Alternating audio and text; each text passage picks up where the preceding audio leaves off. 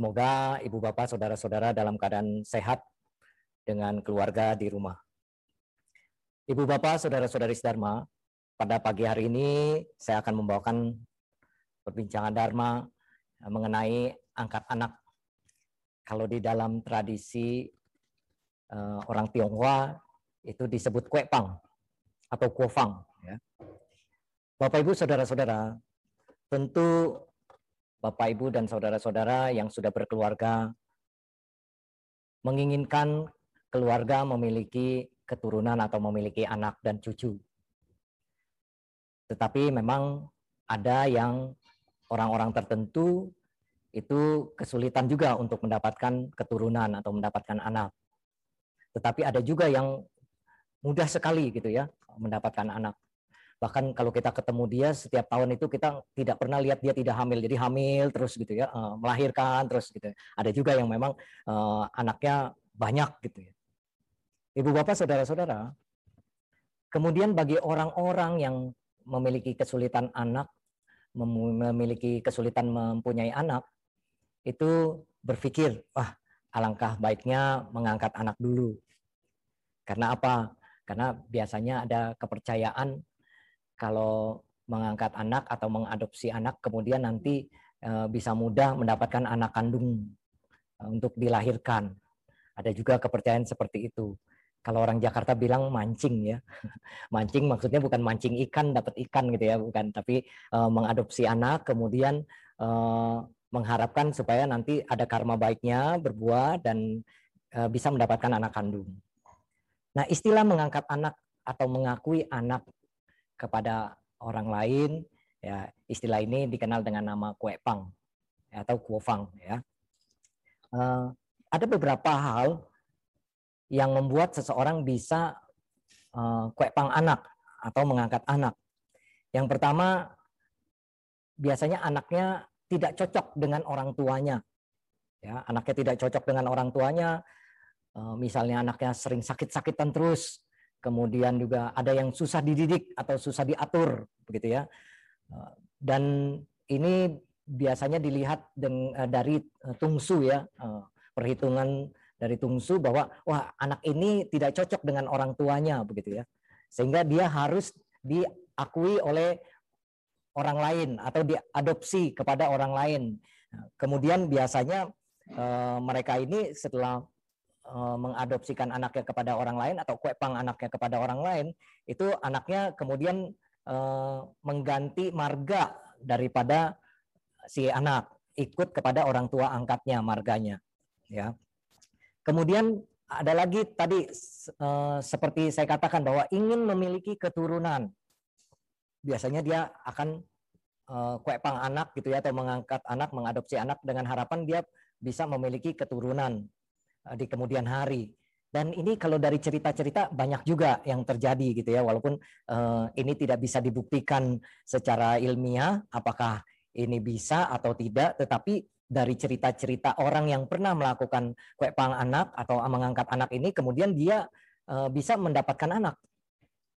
Tetapi perlu diketahui bagi Anda yang memang sudah kue pang anak kemudian akhirnya lahir anak kandung, Anda tidak boleh membedakan. Kasih sayang, kepada anak yang pertama kali Anda angkat atau kuepang dan eh, kepada anak kandung itu tidak boleh dibedakan. Artinya tetap harus bisa berkomitmen bahwa mereka adalah anak-anak kita semua. Ini kadang-kadang orang tua awalnya mengkuepang anak, ya mengangkat anak, kemudian setelah anak kandungnya lahir, akhirnya dia lebih sayang kepada anak kandungnya dan dia eh, apa ya tidak memperhatikan anak angkatnya itu, tidak memperhatikan anak kue pangnya itu. Ini yang tidak baik, ini yang tidak boleh. Tetap harus diperlakukan semuanya sama dari pendidikan, kasih sayang dan lain sebagainya. Kemudian ada lagi eh, orang mengangkat anak gitu ya, eh, dia dikuepangkan kepada eh, keluarganya. Ya, jadi misalnya kepada eh, akuhnya gitu ya, atau kepada eh, apeknya gitu ya atau kepada mungkin uh, apaknya begitu. Nah ini uh, di Kuepang ya. Kemudian ini yang dalam satu lingkup keluarga. Ada juga yang kepada orang lain. Masalahnya Bapak Ibu uh, orang mengkuepang anak atau mengkuepangkan anaknya kepada orang lain ini ya tadi tujuannya supaya bahwa anak bisa lebih hidupnya lemur gitu ya. Nah, masalahnya yang dikhawatirkan kalau kepada sesama uh, keluarga atau manusia misalnya ya di kepada orang lain awalnya waktu di Kuepang keluarganya ini yang menjadi orang tua angkatnya ini jaya kaya usahanya makmur tapi begitu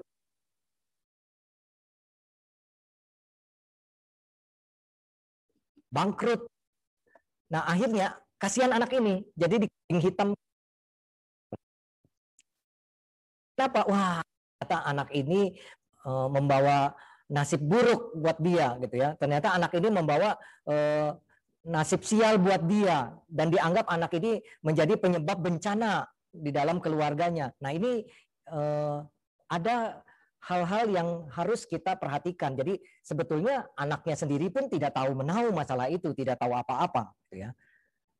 Maka dari itu kalau misalnya pun mau dikuepangkan, anak mau dikuepangkan, saran saya sebaiknya dikuepangkan atau diadopsikan kepada uh, para dewa atau para bodhisatwa, kepada sensien, begitu. Ya, jadi diadopsi atau dikuepangkan kepada uh, dewata Misalnya contoh dikuepangkan kepada Kuan Im, dikuepangkan kepada Kuan Kong. Nah ini eh, dengan eh, harapan atau tujuan bahwa kalau misalnya pun terjadi apa-apa, anak ini tidak disalahkan karena dikuepangkan kepada para dewa dan para bodhisatwa. Biasanya eh, acara hara atau benteng, kemudian keluarganya membawa pakaian anaknya satu setel yang masih baru, kemudian ditaruh di altar, kemudian diupacarakan kuepang ya di sana di eh, apa berdoa sembahyang kemudian uh, diakui bahwa anak ini kemudian uh, dikuepangkan gitu ya diadopsikan kepada para dewa atau para bodhisatwa biasanya anak-anak uh, yang dikuepangkan itu masih di bawah usia 12 tahun ya. Dan itu akan berakhir dengan sendirinya pada saat dia dewasa nanti Artinya dia sudah mandiri, sudah tidak lagi tergantung oleh orang tuanya, dia bisa mencari penghidupannya sendiri. Nah, biasanya usia antara 21 tahun atau pada saat dia menikah, nah itulah eh, apa namanya kuepangnya bisa berakhir. Ibu bapak saudara-saudara, sebetulnya apa tujuan daripada kuepang ini? Ya, ada ya tadi eh, beberapa alasan. Ya, anaknya sering sakit-sakitan. Ternyata setelah dilihat gitu ya. Oh ternyata ciong dengan orang tuanya, ternyata tidak cocok dengan orang tuanya, jadi anaknya sakit-sakitan. Ibu bapak, saudara-saudara, perlu diketahui ya, bahwa eh, kalau anak kecil sakit-sakitan, sebetulnya itu adalah hal yang biasa ya. Hampir semua anak-anak itu sakit-sakitan waktu kecilnya. Eh, saya juga mengalami itu kepada anak-anak saya jadi waktu kecil itu sakit-sakitan memang. Setiap bulan itu pasti absen ke dokter. Dan setiap bulan dia pasti tahu jadwal kapan papanya gajian. Artinya bisa setor ke dokter gitu ya. Ah, ini dia. Jadi eh, pas gajian pas sakit gitu. Wah, ini langsung ke dokter lagi gitu ya. Begitu juga dengan adiknya, sama itu tiap bulan begitu. Tapi semakin bertambah usia, semakin besar, kesehatannya semakin baik dan kondisinya semakin baik dan sekarang sudah tidak seperti itu lagi. Gitu ya. Nah, banyak orang tua berpikir begitu anaknya sakit-sakitan ini tidak berpikirnya secara apa ya, secara logika dulu begitu. Jadi begitu sakit-sakitan nanya orang pinter. Saya nggak tahu orang pinternya S1, S2 atau S3 gitu ya. Pokoknya dia tanya, kemudian uh, orang pinternya bilang, wah anak ini tidak cocok sama you, ini anak mesti dikepang gitu kan, mesti di uh, diaku oleh orang lain, ganti marga dan lain sebagainya. Nah, jadi Bapak Ibu harus berpikir jernih dulu sebelum melakukan kue pang ini, begitu ya. Apakah ini disebabkan uh, bukan karena hal-hal yang tersebut di atas atau disebabkan oleh hal-hal yang memang sebetulnya bisa dipikirkan secara logika. Contoh misalnya anaknya kecil sakit-sakitan, batuk, pilek, batuk, pilek nggak berhenti gitu ya. Eh, siapa tahu di rumahnya justru banyak debu yang menyebabkan anak ini alergi debu. Akhirnya berpikirnya apa? Wah, ini pasti nih ada gangguan dari hal-hal yang lain begitu. Nah, Bapak Ibu, saudara-saudara, ini menjadi hal yang penting ya, menjadi hal yang penting uh, buat kita bahwa kalau kita mau mengkuepangkan anak itu dipikirkan dulu baik-baik. gitu ya. Kemudian juga ada yang berpikir bahwa kalau di Kuepang itu supaya eh, nasib anak ini bisa lebih baik. Nah makanya ibu bapak, saudara-saudara pada saat mengkuepangkan anak biasanya juga dikuepangkan kepada orang yang lebih makmur, yang lebih sejahtera. Dengan tujuan apa? Setelah anak ini diangkat oleh mereka, anak ini bisa memiliki kesejahteraan hidup yang lebih baik. Itu baru benar gitu ya. Kuepangnya jangan sampai dikuepangin sama orang yang juga susah juga gitu kemampuan ekonominya ya ini juga tidak merubah nasib anaknya walaupun dikuepang begitu. Nah ini demikian gitu biasanya dengan harapan supaya anaknya ini punya pendidikan lebih baik, punya nasib lebih bagus gitu ya. Soal makan tidak khawatir. Nah biasanya uh, demikian. Tetapi, kalau tadi dikuepangnya kepada para dewata, para bodhisatwa, ya orang tua memiliki keyakinan kepercayaan bahwa para dewata, para bodhisatwa itu bisa membeli, memberi perlindungan yang lebih besar daripada manusia biasa. Nah ini saja begitu ya eh, perbedaannya. Kemudian tadi tujuan kuepang itu supaya anak itu bisa lebih mudah dididik. Tadi karena sulit dididik begitu ya. Mungkin orang tua dengan anak setiap hari ya walaupun masih kecil itu ada juga anak kecil walaupun masih kecil dengan orang tuanya itu berani gitu. Ya, Eh, melawan gitu ya, eh, membantah atau eh, berani apa memaki orang tuanya. Nah ini orang tuanya akhirnya merasa waduh ini anak sulit dididik dan kemudian dikuepangkan gitu. Kemudian yang ketiga alasan orang memilih jalan supaya mengkuepangkan anak itu mengharapkan agar anak mereka ini memiliki masa depan yang lebih bagus. Ya, tadi dikuepangkan kepada para dewa dengan harapan bahwa para dewa itu selalu membimbing, melindungi dia, dia memiliki masa depan yang lebih bagus. Ya, akhirnya dia memiliki semacam uh, pencerahan atau kebijaksanaan atau bimbingan di dalam hidup dia dari para dewata. Nah, kemudian ada lagi tujuannya yaitu membantu mereka, yang keempat membantu mereka yang kesulitan. Ya, tadi ya. Eh, karena anaknya hidupnya sudah susah, anak banyak lagi Ya sudah susah anak lima, sudah lima hamil lagi, wah ini celaka gitu ya. Nah akhirnya eh, beberapa orang tua mengambil alternatif apa? Ya sudah mengadopsikan anaknya, memberikan anaknya kepada keluarganya gitu ya supaya bisa diangkat anak atau dikuepangkan. Nah inilah Bapak Ibu, saudara-saudara, kalau kita berbicara tentang kuepang ini. Nah masalahnya Ibu Bapak, setelah memiliki anak, setelah mengkuepang anak, Apakah sudah beres urusannya sampai di situ? Ternyata tidak, Bapak Ibu. Ya, karena apa? Anak perlu mendapatkan pendidikan atau kebutuhan dasar dia. Ya, salah satunya tadi pendidikan. Dan pendidikan ini adalah yang terpenting adalah pendidikan karakter mereka pada saat mereka usia masih di bawah 12 tahun. Ini karena pendidikan karakter ini menjadi sangat luar biasa nantinya hasilnya. Di dalam Dhammapada ayat 84 Buddha Gautama mengatakan, seseorang yang arif tidak berbuat jahat demi kepentingan diri sendiri maupun orang lain. Demikian pula, ia tidak menginginkan anak, kekayaan, pangkat, atau keberhasilan dengan cara yang tidak benar. Orang seperti itulah yang sesungguhnya berbudi luhur dan bijaksana. Bapak, Ibu, saudara-saudara, jadi hal-hal yang kita inginkan seperti menginginkan anak, kekayaan, kemudian kesuksesan itu harus diraih dengan cara-cara yang benar. Ya, cara-cara yang baik. Jadi kalau tadi orang sulit memiliki anak, kemudian akhirnya dia pengen punya anak. Begitu ada lihat orang orang hamil punya anak, kemudian eh, pesen dulu, jadi booking.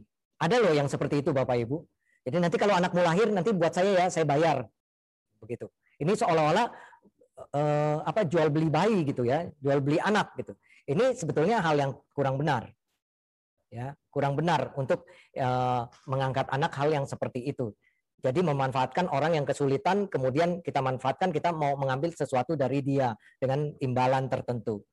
Sebaiknya tidak seperti itu cara-caranya, gitu ya. Nah, masih banyak cara lain lah ya untuk bisa mengadopsi atau mengangkat anak atau kuepang anak gitu ya. Nah, jadi eh, salah satu jenis pendidikannya adalah kepada anak pada saat dia dari mulai lahir sampai dengan eh, usia 12 tahun ini selain pendidikan formal adalah pendidikan karakter dia. Karena kalau kita lihat anak-anak sekarang memiliki kelemahan beberapa karakter ya. Ya, antara lain kita kalau uh, kita lihat karakter apa yang penting untuk bisa kita berikan kepada anak kita, gitu, anak-anak kita. Yang pertama adalah karakter kasih sayang. Ya, orang tua ini harus bisa memberikan kasih sayang yang baik, yang cukup kepada anak-anaknya. Jangan berpikir saudara-saudara ibu bapak, saya sudah cukup kok kasih uang, saya cukup kasih dia uang jajan,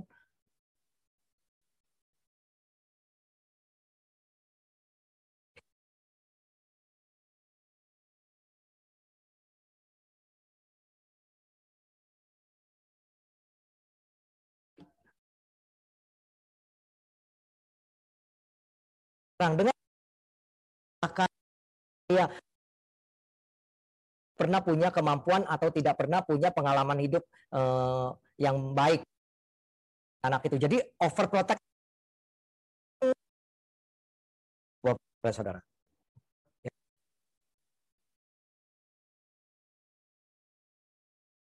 Dengan demikian anak-anak akhirnya apa? Jadi manja sifatnya. Lihatlah, anak sekarang berbeda loh dengan kita zaman dulu ya Bapak Ibu. Ya, anak sekarang saya ingat uh, ada uh, di anak SD itu ada satu pelajaran yang dia disuruh bikin layang-layang. Ya, disuruh bikin layang-layang gitu ya. Waduh, kalau orang tuanya dulu nggak pernah terbiasa ya, misalnya bermain layangan atau membuat layangan, itu juga bingung bikinnya pakai apa gitu ya.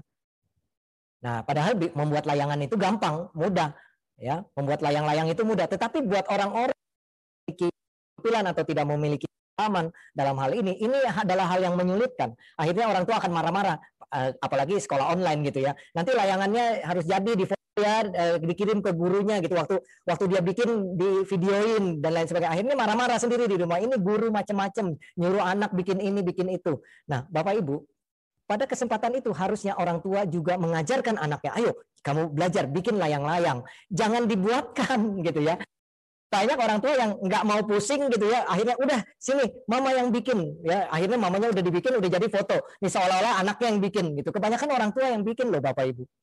Dan ini bukan mendidik uh, terkasih sayang. Bukan seperti itu. Kasih sayang bukan seperti itu. akhirnya anak-anak kita berpikirnya ah, gampang. Kalau susah panggil mama. Kalau panggil papa begitu. Jadi akhirnya dia tidak pernah belajar memecahkan masalah atau bis, tidak belajar untuk menghadapi kesulitannya sendiri. Ini anak-anak sekarang begitu. Menghadapi pelajaran yang agak susah, yang agak sulit, nyerah dia, langsung bilang nggak bisa. Ya, langsung ulangan ya mungkin dikumpul saja begitu dikosongkan saja. Ya nggak bisa. Alasannya kalau ditanya kenapa nggak usah, dia akan membalikan kata kalau nggak bisa mau diapain kan nggak bisa. Nah, coba kalau misalnya karakter anak seperti ini, ini karena biasanya pendidikan kasih sayang orang tuanya uh, sedikit salah. Ya. Sayang tetapi bukan seperti itu pendidikan kasih sayang itu. Maka kalau anak kita diberikan pendidikan kasih sayang yang cukup di rumah, perhatian yang cukup, kita mau mendengarkan pada saat dia cerita, anak cerita kita mau dengerin walaupun kita lagi sibuk atau capek begitu ya. Biasanya anak-anak itu yang masih di bawah 12 tahun Bapak Ibu, kita pulang kerja itu buat dia itu hal yang membahagiakan ketemu kita, ketemu orang tua pada saat hal tersebut terjadi, apa yang dia lakukan? Dia akan banyak bercerita, dia akan banyak curhat. Nah, itulah orang tua kesempatan di mana orang tua bisa meluangkan waktunya mendengarkan. Itu adalah bentuk kasih sayang Anda kepada anak, memberi perhatian. Jadi sebetulnya kasih sayang itu bukan berarti dibelikan ini itu begitu ya. Ya boleh saja untuk keperluan sekolahnya dibelikan atau kebutuhannya. Tetapi bukan berarti segala-galanya harus dengan uh, materi. Ya, kasih sayang itu bisa berbentuk perhatian, bisa berbentuk uh, apa uh, kita mendengarkan gitu ya. Ya kita bermain bareng bermain bersama. Nah ini juga uh, merupakan uh, pendidikan kasih sayang. Kalau anak dididik dengan seperti itu maka dia bisa uh, mengetahui apa itu yang namanya cinta kasih kepada orang tua cinta kasih kepada uh, kakaknya kepada adiknya di rumah. Dan kalau dia memiliki cinta kasih kepada keluarganya, dia juga bisa belajar, bisa mengasihi kepada makhluk-makhluk yang lain seperti hewan peliharaan di rumah dan lain sebagainya. Dan itu akan menimbulkan rasa bakti anak kepada orang tuanya nanti. Karena apa? Kita memberi pendidikan kasih sayang kepada anak kita, kita juga memberi contoh. Orang tuanya pun memperlihatkan bahwa oh papa mama ini sayang loh sama sama kakek nenek atau kungkung poponya sama akongnya begitu kan dia sayang begitu dan dia lihat oh nanti saya pun harus begitu sama papa mama nah ini akan menimbulkan uh, apa ya pendidikan karakter dan akan menimbulkan rasa cinta kasih, bakti kepada kedua orang tuanya atau keluarganya. Nah, Bapak Ibu saudara-saudara, ya. Kemudian kalau misalnya setelah kita memberikan pendidikan karakter, karakter yang penting apa yang harus kita berikan kepada anak-anak kita? Yaitu kita harus memberikan pendidikan karakter, karakter tentang sopan santun dan tata krama. Ini penting. Karena anak-anak sekarang mulai nih mundur sopan santun dan tata keramanya. Jadi kalau ketemu orang walaupun kenal, dia nggak nggak negur, dia nggak nanya, dia nggak memberi ah, salam begitu ya. Harusnya kita ajarkan kepada anak-anak kita. Kalau ketemu harus panggil dong om, tante atau ii atau ai, uh, anjali gitu kan uh, seperti itu. Karena apa? Tradisi kita adalah memberi hormat anjali gitu kan. Nah sekarang akhirnya kepake nih anjali di seluruh dunia nih, ya. Ya, kepake nih salam kita Anjali karena apa orang sekarang ngeri kalau salaman sama orang lain malah serem gitu ya. Nah, sekarang Anjali ya. Semuanya jadi uh, mengikuti Anjali begitu ya beranjali. Nah, ini adalah salah satu uh, cara yang bagus. Begitu ya, cara yang bagus. Jadi ajarkan gitu ya. Bisa Anjali coba uh, bahkan ada anak kecil yang orang tuanya beberapa kali ketemu, ayo kalau ketemu gitu, ayo bilang nama budaya sama Romo gitu ya, nama budaya sama sama apa sama omnya gitu. Nah, seperti itu. Nah ini bagus. Ini dimulai dari kecil, pendidikan sopan santun atau tata krama ini. Kalau tata krama bagaimana? Ya tata krama misalnya berbicara.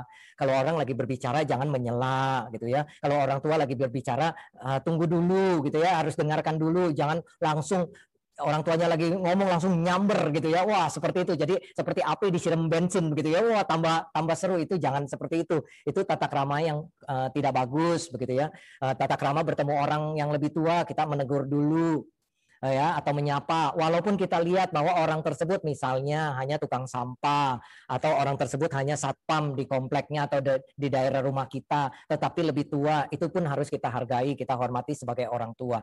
Nah ini adalah hal yang penting.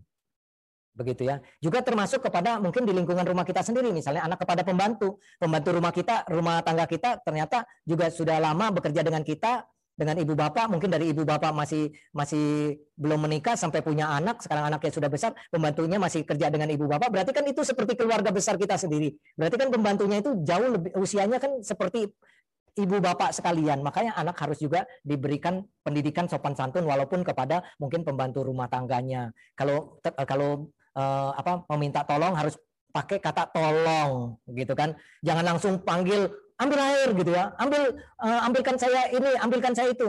Tidak boleh seperti itu. Itu kalau bisa terjadi seperti itu berarti ibu bapak gagal membentuk karakter anak dalam hal sopan santun atau dalam hal tata krama. Jangan cerita kalau nanti dia eh, apa keluar dari lingkungan keluarga kemudian eh, bermasyarakat, berkehidupan masyarakat, itu pasti eh, sopan santun ini akan terlihat. Pendidikan sopan santunnya di rumah, tata kramanya di rumah bagus atau tidak akan terlihat. Tidak bisa dibohongi. Begitu. Karena apa? Ini pendidikan karakter awal yang ibu bapak harus kerjakan kepada anak-anak kita. Kemudian pendidikan karakter yang lain yang penting adalah apa? Kalau misalnya tadi eh, tadi ya sopan santun, itu akibatnya nanti dia bisa menjaga sikapnya. Di mana pun dia berada, dia akan bisa menjaga sikap dan dia mudah beradaptasi dengan orang lain. Karena apa? Karena sopan santunnya, karakternya atau tata keramanya ini eh, sudah terdidik dengan baik.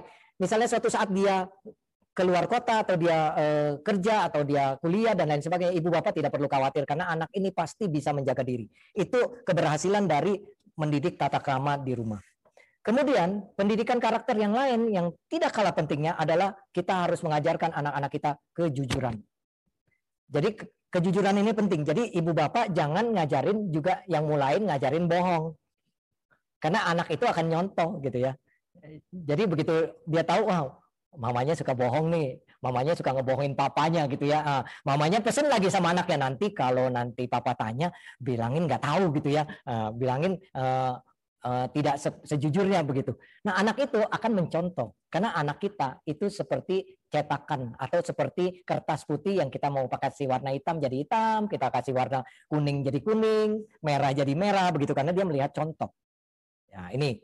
Kemudian tadi kejujuran, karakter kejujuran ini penting diberikan kepada anak. Karena apa? Kalau dia sudah bisa uh, jujur ya, yang pertama anak ini bisa mengatakan hal yang sebenarnya. Jadi kalau misalnya ada masalah, orang tua tanya, kamu kenapa? Coba cerita sama mama, sama papa. Ada apa? Nah, anak ini akan berani karena dia sudah terbiasa ya mengatakan hal-hal yang jujur yang yang baik. Iya mah tadi aku dipukul sama teman. Nah, mungkin ada juga anak yang nggak berani cerita dia cuma diam nggak nggak apa-apa mah gitu. Padahal di sekolahnya dia di di sekolahnya dibully misalnya ya oleh teman-teman yang lebih senior atau yang lebih besar-besar badannya. Dia sering dipukul dia sering dimintain uang tapi dia nggak berani cerita. Tapi kalau anak kita kita didik uh, jujur dia akan berani berbicara hal yang benar gitu. Nah maka dari itu bapak ibu saudara-saudara ini penting gitu ya. Uh, memang sih eh, kadang-kadang uh, ini perlu perhatian juga anak dididik jujur bukan berarti dia juga sembarangan ngomong misalnya kalau anak kecil ini benar-benar jujur nih bapak ibu ini pernah juga kejadian gitu ya Eh, saya bawa anak saya ke mall, kemudian lagi jalan, saya lagi tuntun anak saya. Waktu itu anak saya masih usia tiga tahun gitu ya. Begitu dituntun ke mall, ya, terus di pada saat itu di depan kami kebetulan melintas atau lewat orang yang sangat gemuk sekali. Orang yang gemuk sekali badannya. Anak saya itu langsung langsung ya dia jujur gitu. Itu gemuk banget gitu ya.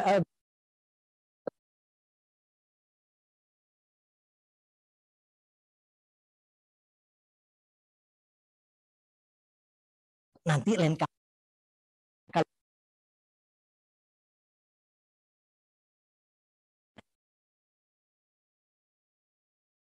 jadi perhatian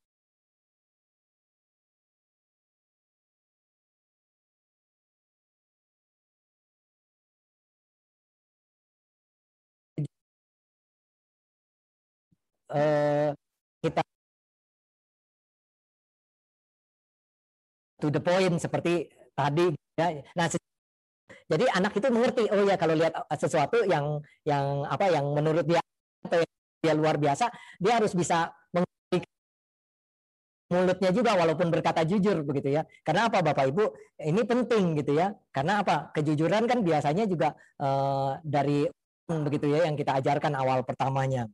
Kemudian ter yang penting juga kita ajarkan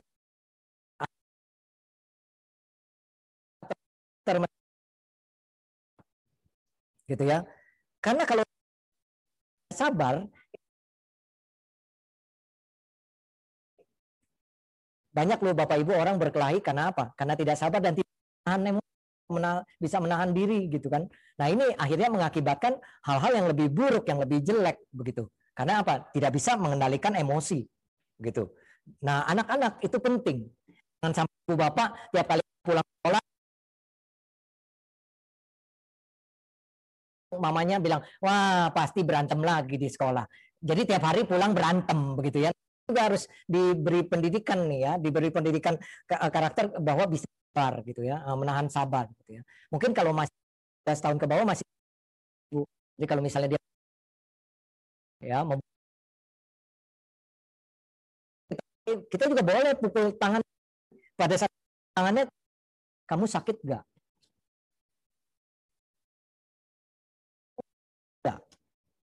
Nah, sakit seperti kamu, makanya kamu tidak boleh memukul orang. Memang Bapak Ibu, inilah peranan orang tua berat ya. Makanya saudara-saudara Anda yang sekarang sudah dewasa, sudah besar, Anda harus berterima kasih kepada papa mama. Karena apa? Papa mama berhasil mendidik Anda sampai Anda saat ini, ya. Jadi itu sulit loh menjadi orang tua itu. Punya anak empat, empat-empatnya beda sifat. Tanya deh sama mama papa kamu, apakah kamu punya sifatnya ya, semua empat, misalnya ada empat eh, empat saudara, empat empatnya sama. Bahkan cuma punya dua aja bisa beda sifatnya dua anak. Nah ini berat jadi orang tua itu begitu ya. Tadi walaupun kue pang, walaupun ada anak angkat dan lain sebagainya, tetap tanggung jawabnya sama sebagai orang tua. Nah dalam Dhamma pada ayat 223, Buddha Gautama mengatakan, kalahkan kemarahan dengan cinta kasih dan kalahkan kejahatan dengan kebajikan Kalahkan kekikiran dengan kemurahan hati. Ya, kalahkan kebohongan dengan kejujuran. Nah, inilah Bapak Ibu, saudara-saudara, pendidikan karakter yang Buddha Gautama sendiri pun ajarkan kepada kita. Ya. Marah harus kita bisa kendalikan. Kita harus bisa meningkatkan rasa cinta kasih kita. Jangan dibalas lagi dengan hal yang jahat. Ya. Kemudian yang jahat kita banyak balas bisa balas dengan yang lebih baik, dengan kebajikan ya.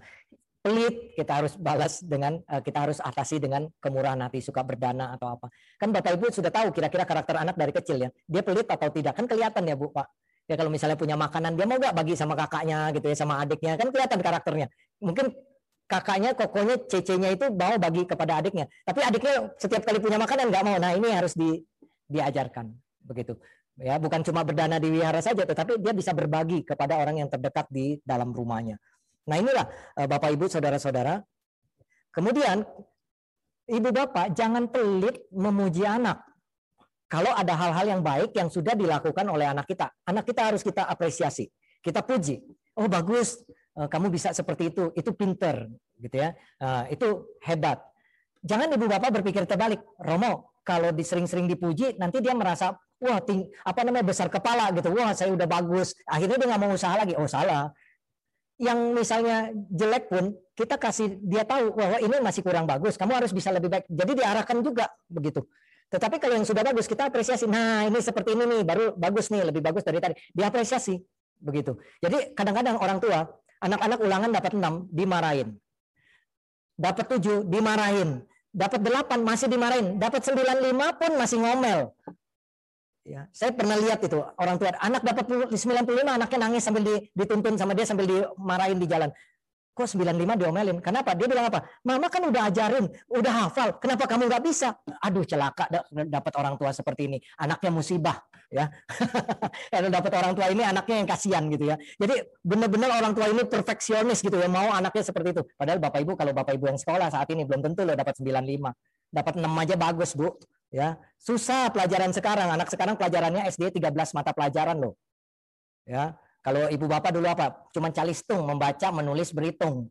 Ya, bukunya paling susah cerdas tangkas waktu itu ya. ya paling susah tuh. Nah, seperti itu. Sekarang wah macam-macam. Coba ibu bapak kalau nggak percaya lihat buku anak-anak SD sekarang. Jadi bapak ibu harus bisa menghargai anak. Harus bisa memberi pujian anak. Kalau anak itu sering kita hargai, kita apresiasi, dia juga bisa menghargai orang lain.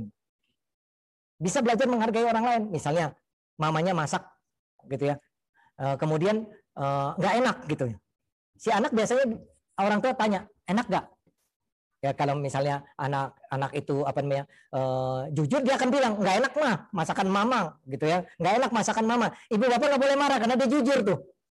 Kadang-kadang orang tua begitu anak jujur ngomel kamu ya mama udah masakin capek-capek gitu ya masih mencela gitu. Itu nggak boleh ya karena apa? Uh, anak kita udah jujur kita harus menghargai gitu. Kita harus bilang oh nggak enak ya kurang apa? Rasanya kurang apa gitu kan. Jadi si anak juga berpikir oh ya mamanya pun kalau misalnya diberitahu sesuatu yang menjadi kekurangan, kelemahan, mamanya, papanya pun mau terima dan mau dengar pendapat orang lain. Si anak pun akan melakukan hal yang sama loh Bapak Ibu. Begitu. Jadi eh, pada saat itu tapi si anaknya akan bilang lagi, tapi nggak apa-apa deh mah ini tinggal ditambahin garam aja juga udah lebih enak. Nah, artinya apa? Anak kita itu sudah bisa belajar menghargai ibu bapak.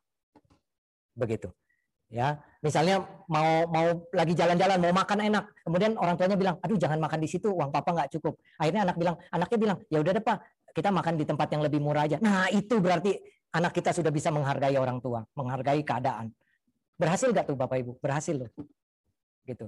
Bahkan mungkin pun sampai orang tuanya bilang boleh jalan-jalan tapi makannya di rumah dulu ya. Soalnya di mall kan mahal makanannya mahal. Papa mama uangnya kurang nggak cukup anaknya masih ya bang nggak apa-apa kita makan di rumah aja kan jadi hemat. Nah itu bapak ibu anak itu bisa menghargai orang tua tuh bagus tuh ya kalau seperti itu.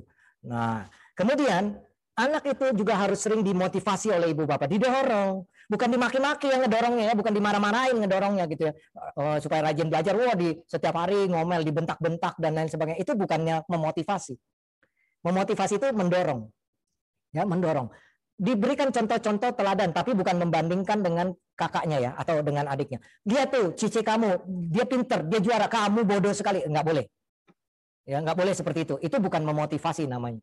Ya, itu bukan memotivasi mendidiknya. Tapi dimotivasi apa? Didorong.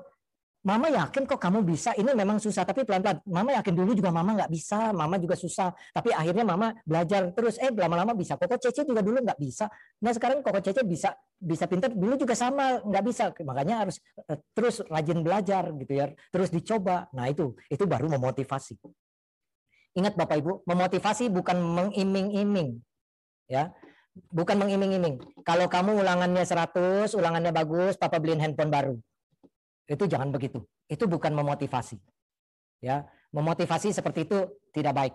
Jadi akhirnya setiap kali dia mau melakukan sesuatu, dia tanya dulu sama kita. Kalau saya berhasil, mama kasih apa? Kalau saya sukses, kalau saya uh, bisa, papa kasih apa? Dia selalu begitu. Jadi dia selalu minta imbalan. Tidak baik, tidak boleh. Ya, ya jangan seperti itu Bapak Ibu. Karena apa? Karena itu bukan cara memotivasi. Ya, boleh sekali-kali, misalnya kita lihat, oh handphonenya sudah jelek, handphonenya sudah rusak. Anak sekarang kan online nih ya Bapak Ibu, kalau handphonenya jelek sekali kasihan juga tuh dia, gitu kan. Uh, mungkin kita bisa kasih tahu, oke okay lah nanti kalau naik-naikan kelas uh, kita ganti handphonenya Nah, seperti itu. Tapi ada ada waktunya, ada masanya. Jangan uh, setiap saat ibu bapak mengiming-imingkan sesuatu, gitu ya. Nah, kalau dia sering dimotivasi, ya didorong, maka dia akan timbul percaya dirinya. Misalnya nyanyi, sekarang kan anak online disuruh nyanyi, orang tuanya rekam pakai video, anaknya nggak bisa nyanyi, orang tuanya yang maki-maki, orang tuanya yang marah-marah, nyanyi gitu aja nggak bisa, masa suaranya, masa kalah mama mama mama bisa karaoke tiap hari, oh ya itu mamanya, gitu kan. Iya, di rumah ada karaoke, wah nyanyi terus, apalagi Covid ya di rumah terus, ya karaoke terus gitu. Tapi anaknya kan nggak pernah nyanyi gitu ya. Nah, kita mesti bisa memaklumi gitu. Kita dorong, ayo bisa, mama aja bisa.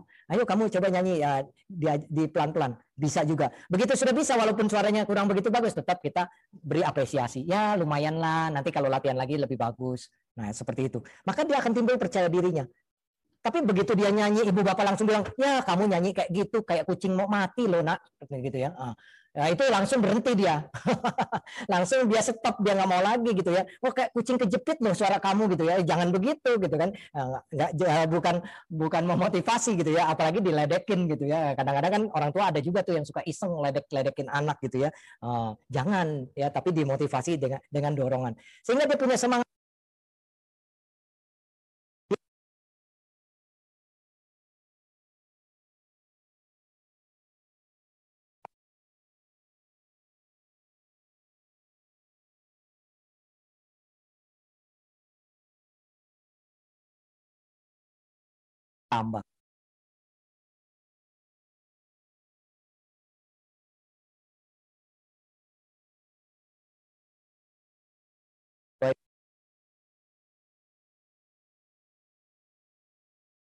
Dia merasa berada di lingkungan keluarganya.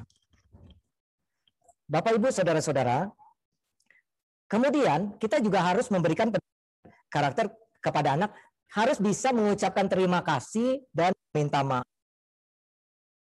Terima kasih Nah, ini harus di anak-anak kita. Kadang-kadang ada yang dikasih cuma diam aja, tapi kita harus kasih tahu. Ayo bilang terima kasih. Nah, kalau dikasih bilang apa sama mama, nah, anaknya bilang terima kasih ma. Nanti kalau dia sudah terbiasa begitu, dia akan secara langsung otomatis itu Begitu ibu bapak kasih sesuatu, dia langsung bilang, mulutnya langsung bilang terima kasih, ma. Nanti sama orang lain pun, misalnya pun dia dikasih, mulutnya secara otomatis akan bilang terima kasih. Bapak, kalau dididik itu, coba seperti itu, ma barangnya tapi dia aja. Nah itu makanya penting sekali dididik uh, bisa mengucapkan terima kasih gitu ya. Nah kemudian juga di, diajarkan untuk bisa meminta maaf. Mohon maaf sebentar.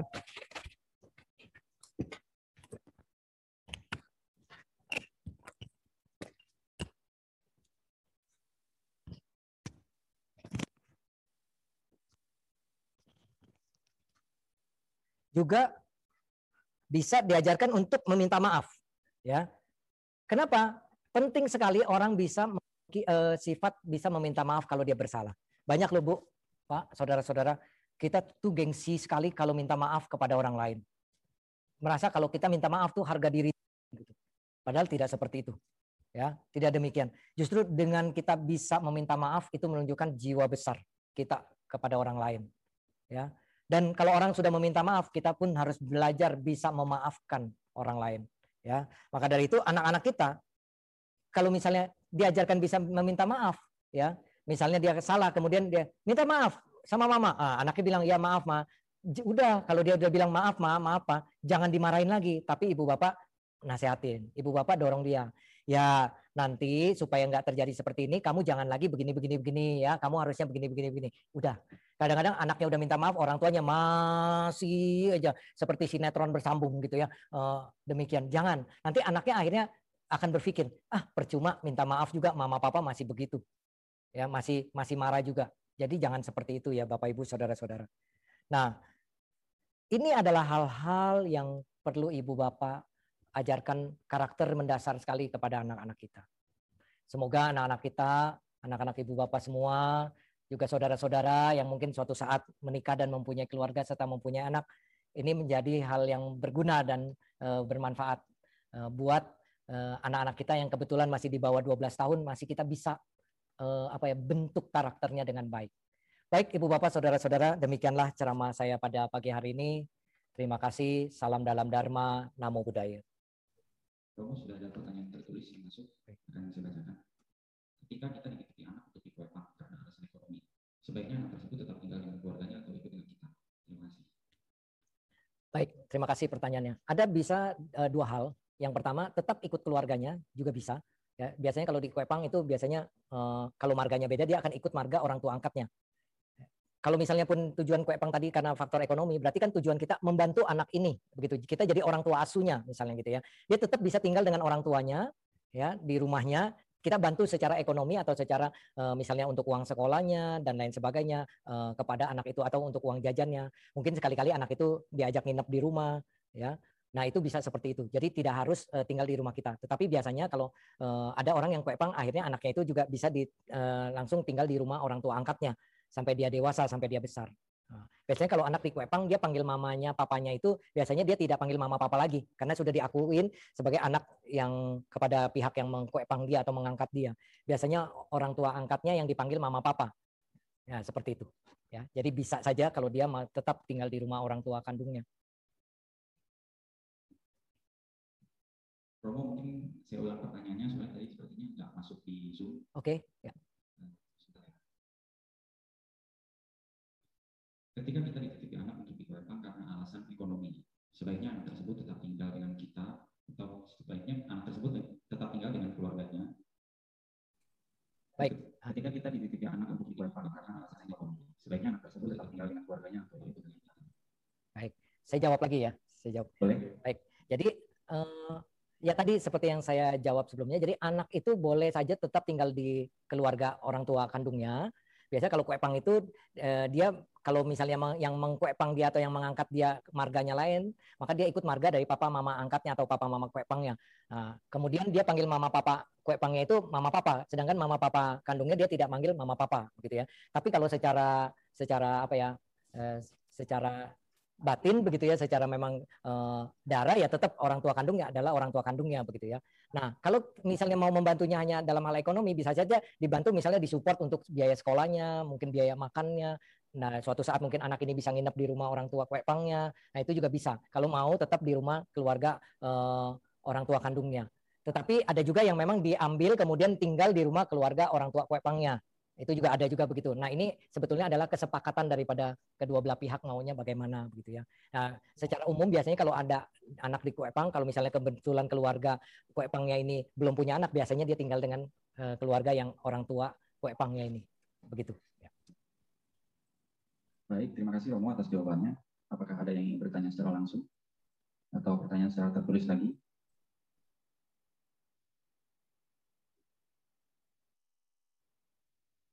Baik, kepada Bapak Vincent, dipersilakan untuk ambil. Ya, uh, nama budaya Romo. Ya pertama terima kasih atas sharing damanya yang luar biasa. Jadi saya ada beberapa pertanyaan Romo. Jadi pertama itu uh, bagaimana pandangan Romo tentang uh, kuepang atau pengangkatan ini, pengangkatan anak ini dalam uh, kehidupan kita uh, dalam realita itu ya saat ini.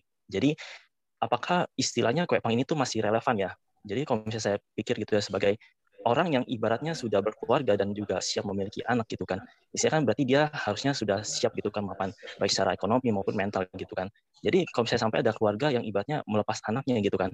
Apalagi dengan alih-alih misalkan dia beralasan misalkan eh, yang yang ini parah sih misalnya sampai anggap anaknya bawa sial gitu kan apa uh, atau misalnya anaknya misalnya sakit-sakitan tuh kan bisa faktor lain juga gitu kan jadi misalnya tapi yang orang tua yang melepas anaknya misalnya gara-gara faktor ciong gitu ataupun masa tidak cocok gitu kan menurut Romo bagus nggak misalnya uh, alasan seperti itu yang dijadikan alasan untuk orang tuh melepas anak yang gitu dan juga bagi keluarga yang uh, mau itu ya mengangkat anak gitu kan dia istilahnya uh, oke okay lah dia misalnya mau membantu gitu kan tapi menurut Romo gimana ya? Uh, apakah lebih bagus tuh ngangkat anak dari keluarga uh, seseorang gitu kan atau dari anak yang benar-benar tuh memang tidak punya orang tua seperti yang misalnya uh, kuepang atau ngangkat anak dari panti asuhan misalkan gitu kan.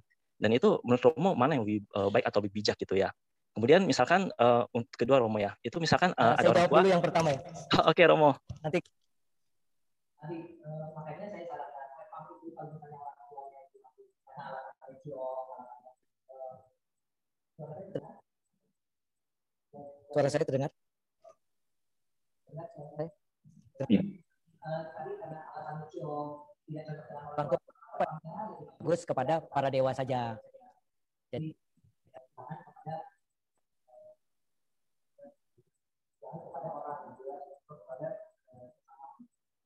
Baik, tadi kalau alasannya karena ciong orang tua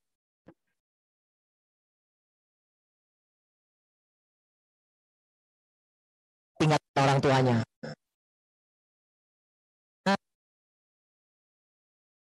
ya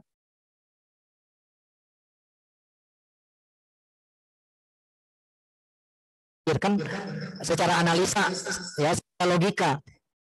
Maka dari sebelum mengkuatang anak eh, dipikirkan dulu baik-baik.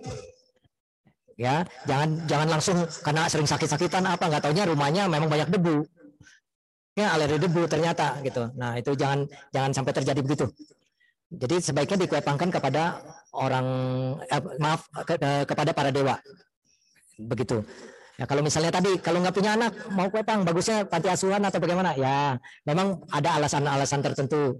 Ya, yang pertama bisa saja kalau alasannya dari orang tua yang sudah kenal latar belakangnya itu katanya lebih bagus.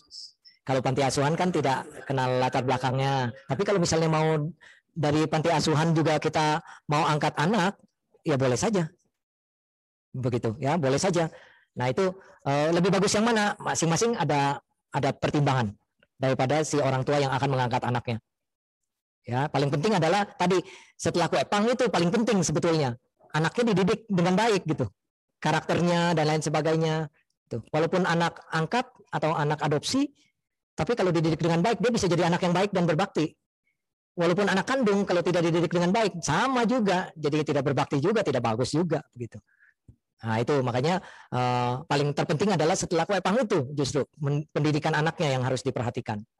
Itu. Kalau kuepangnya gampang, sebentaran cuma setengah jam upacaranya. Iya, sembayangnya cuma setengah jam, tapi kalau setelah itu seumur hidup. Nah, itu jadi uh, tadi, jadi kalau alasannya ciong dan lain sebagainya lebih baik kuepangkan kepada para dewa saja. Tuh, itu lebih aman lah. Jangan sampai dikuepangkan kepada orang lain. Kebetulan pas habis kuepang satu tahun kemudian orang ini ambruk ekonominya. Anaknya bisa jadi kambing hitam tuh. Ya, jadi uh, jangan seperti itu terjadi. Kasihan anaknya nantinya. Anaknya kan nggak tahu apa-apa ya. Dia juga nggak ngerti gitu kan. Kok kenapa bisa nggak cocok sama orang tuanya gitu ya. Dan percayalah Bapak Ibu, kalau kita memiliki juga karakter bagus, ya, kemudian kebijaksanaannya juga baik, pengetahuan dharma kita juga bagus, saya rasa tidak ada anak yang tidak cocok ya. Ya, bisa kita eh, bisa kita arahkan istilahnya. Itu. Itu Vincent pertanyaan pertama. Silakan yang kedua. Ya, Romo, terima kasih. Jadi yang kedua juga uh, berhubungan sih sama jawaban Romo tadi mengenai pengangkatan uh, kuepang itu ya dengan dewa gitu. Jadi saya mau tanya itu anak yang misalnya mau kita di kuepang ke dewa gitu kan, taunya dewa mana yang cocok untuk anak ini gitu ya Romo ya. Kemudian uh, kalau misalnya kayak kuepang kan itu kalau misalnya ya, manusia antar manusia nih ya, itu biasanya ada persetujuannya gitu kan. Saya ada mau uh, lepas anak atau, atau mau uh, ada orang yang mau minat ada mau kuepang uh, anak orang lain gitu kan. Nah jadi itu misalkan itu ada persetujuannya gitu kan. Tapi kalau misalnya kita kuepang gitu kan sama dewa gitu kan, itu kan uh, apakah itu serta merta dewanya langsung setuju gitu kan? Apa kita ngajukan kuepang uh, ngangkat apa kita kayak kasih anak ini gitu untuk diangkat dewa ini apakah dewa itu ibaratnya serta merta langsung setuju gitu? Istilahnya uh, dewa mana aja bebas gitu kan? Ataupun ada syarat khusus ataupun ketentuannya Romo ya? Menunjuk dewa yang mana kemudian uh, bagaimana soal persetujuannya gitu? Ibaratnya emang anak ini tuh diangkat dewa ini tuh emang benar-benar sama dewa yang benar-benar yang kita tujukan ini benar-benar dia tuh nganggap anak ini tuh sebagai anak angkatnya gitu. Menurut Romo gimana gitu? Baik, baik. Romo. terima kasih. Ini bagus nih pertanyaannya nih ya. Belum tentu dewanya setuju mana kasih aja ya. Uh, uh, sertifikatnya nanti gimana gitu. Baik uh, ibu bapak saudara-saudara biasanya dewa dewi yang juga untuk wepang anak ini pun tertentu. Jadi enggak tidak semuanya. Biasanya yang di wepang ini kepada uh, dewi ya kebanyakan ya. Seperti uh, Kuan Im Macu Macu itu Tian Sang Sengmu ya atau Macopo ya nah, seperti itu Nah, itu uh, demikian. Ada juga yang karena sering sakitan akhirnya di dikuepang ke dewa panjang umur. Nah, itu itu begitu gitu ya. Sebetulnya sih ini adalah apa ya?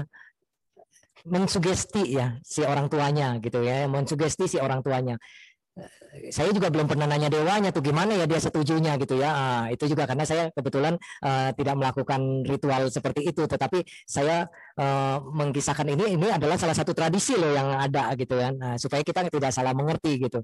Jadi tujuan kue pang itu bukan cuma sebagai diangkat anaknya aja, tapi kita harus sadar tanggung jawabnya gitu. Nah, jadi kalau para dewa kita anggap bahwa para dewa ini mengangkat, para dewa kan kalau ibaratnya kalau misalnya para dewa dikuepangkan anak kan buat para dewa itu nggak menambah beban. Betul nggak? Kan dewanya nggak tiap hari ngikutin ini anak, ngasuh anaknya, kasih susu, kasih uang jajan, nggak begitu. Tetap saja orang tua kandungnya gitu ya, yang merawatnya. Sebetulnya kan begitu ya, logikanya begitu ya, secara logikanya.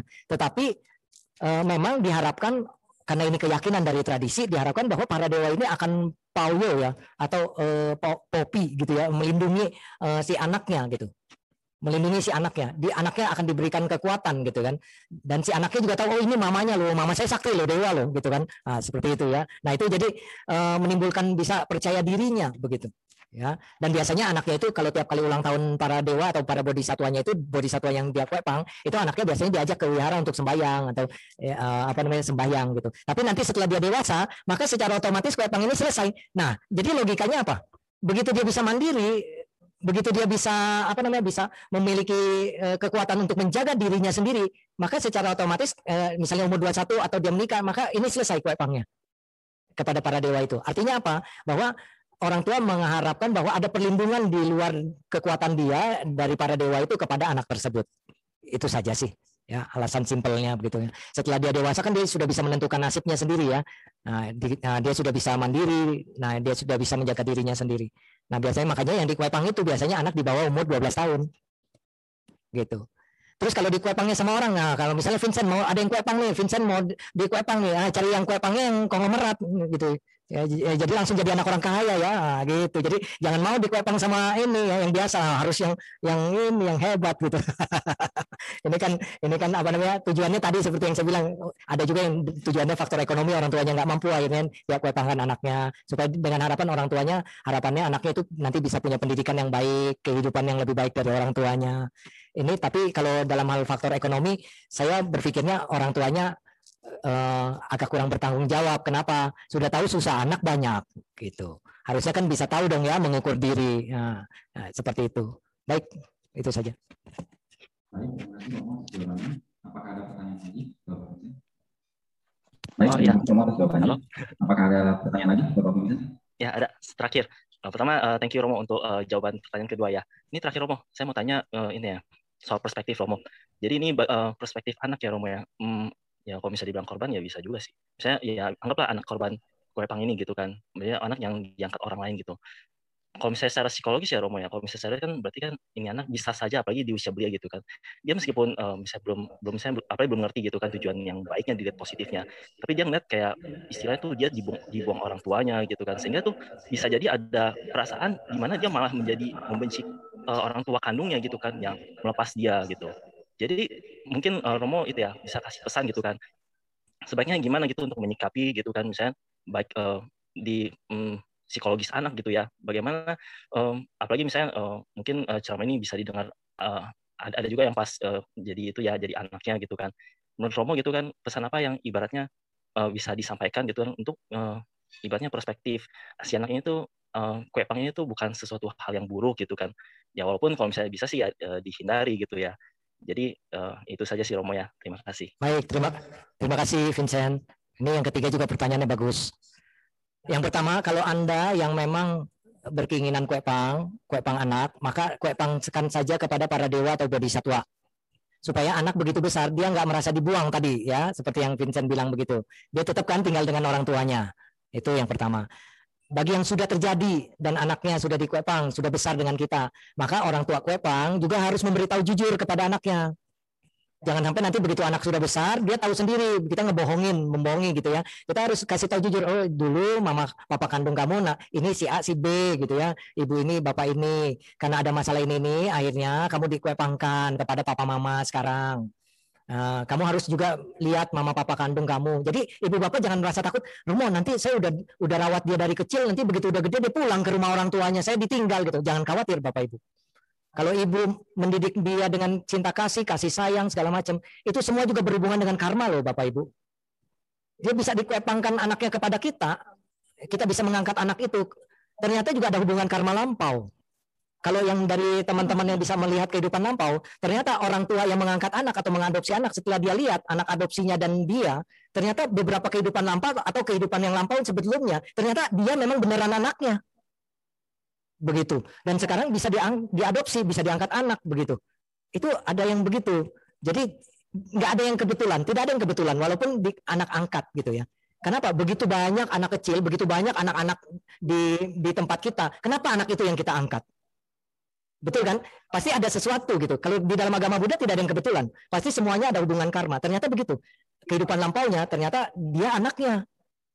Kehidupan sekarang karena dia tumbuh lahir di orang tua kandung yang berbeda, eh ketemu lagi karena hubungan karma lampaunya kuat dan akhirnya dia dikwepang. Begitu, diangkat anak jadi anaknya. Jadi bisa dua-duanya jadi orang tua. Kalau yang sekarang Anda jadi anak kwepang, Anda harus bersyukur. Kenapa? Karena Anda punya orang tua jadi dua. Hebat loh. Iya punya orang tua. Jadi jangan merasa juga dibuang sama orang tua kan dulu, dulu saya dibuang jadi benci sama oh nggak boleh. Tetap harus tahu bahwa ini orang tua kita yang pang kita juga orang tua kita loh merawat. Yang satu budi melahirkan, yang satu budi merawat. Begitu. Dan dua-duanya budinya sangat besar. Tidak boleh tidak boleh apa namanya? tidak boleh Anda berpikir, "Oh, yang lahirin itu budi jasanya lebih besar." Kalau saya pertanyaannya kalau yang melahirkan budi jasanya lebih besar jadi orang tua, begitu dia lahirin orang tua, eh, dia lahirin anak ya kemudian anak dibungkus plastik dibuang ke tong sampah, apakah orang tersebut pantas disebut orang tua? Tapi ada orang yang begitu lewat, ketemu bungkusan kantong plastik, begitu dilihat bayi, kemudian orang itu ambil anak itu, dirawat sampai besar anak itu jadi anak dia. Apakah itu dia tidak melahirkan, tapi dia pantas nggak disebut orang tua? Begitu. Nah, itu pikirkan gitu. Jadi ada budi melahirkan, ada budi merawat. Apalagi ada orang tua yang sudah melahirkan, dia merawat anaknya, mendidik anaknya sampai besar. Itu budinya lebih besar lagi. Dan kalau Anda dirawat seperti itu oleh orang tua Anda sekarang, Anda harus sangat berterima kasih. Bahkan kalaupun Anda anak wepang, Anda harus berterima kasih kepada kedua-duanya, yang satu melahirkan, yang satu merawat. Begitu. Jadi jangan jangan eh, berpikir jelek gitu ya. Mungkin juga orang tuanya punya alasan tertentu kenapa dia mengkuepangkan anaknya, pasti. Pasti gitu ya. Nah, itu makanya uh, inilah kebijaksanaan dan kedewasaan kita dalam hal berpikir. Baik orang tua yang mengangkat anak maupun anak kandungnya maupun anak kuepangnya. Demikian Vincent. Ya. Ya, luar biasa. Terima kasih Romo. Anu Modana. itu Nama Budaya. Baik, apakah ada yang bertanya secara langsung ini?